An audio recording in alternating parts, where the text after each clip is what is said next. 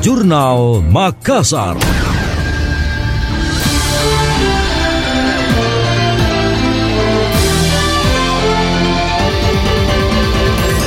Masa jabatan Bupati Takalar dan Wakil Bupati Samsari Kita dan Ahmad Daeng Sekre akan berakhir pada 22 Desember 2022 mendatang. Dewan Perwakilan Rakyat Daerah DPRD Takalar pun mengusulkan tiga nama calon penjabat ke Kementerian Dalam Negeri. Tiga nama yang diusulkan yakni Kepala Badan Pendapatan Daerah Provinsi Sulawesi Selatan Andi Sumardi Sulaiman, Kepala Dinas Pemberdayaan Masyarakat Desa Sulsel Muhammad Saleh dan Kepala Pusat Pengembangan SDM Kemendagri Regional Makassar TR Fasul Fala.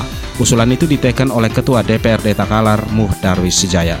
Kepala Biro Pemerintahan Setda Sulawesi Selatan, Idam Kadir mengatakan Kemendagri memberikan waktu kepada DPRD Takalar untuk menyampaikan tiga usulan nama calon PJ Bupati Takalar paling lambat 18 November 2022. Idam menuturkan saat ini pihaknya tinggal menunggu data dari Kemendagri. Jika belum ada keputusan setelah masa jabatan itu berakhir, maka akan ditunjuk seorang pelaksana harian.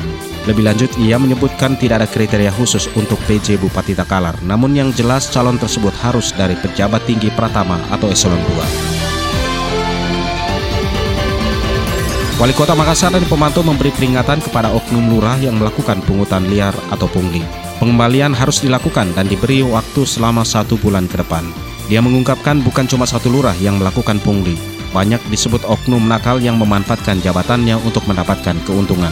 Dani mengaku sudah mengantongi nama lurah yang nakal. Menurutnya lebih baik jika ia terang-terangan mengungkap dalang dari pungli ataupun tindakan menyimpang di tubuh pemerintah daripada nantinya saat menjadi kasus hukum namanya ikut diseret karena dianggap ada setoran dan terlibat. Wali Kota Makassar Dani Pomanto sebelumnya mengungkapkan ada lurah yang melakukan pungutan liar ke pengusaha telekomunikasi. Dia menyampaikan mendapat laporan tersebut langsung dari pengusaha telekomunikasi. Nilai pungli yang dilaporkan mencapai 75 juta rupiah.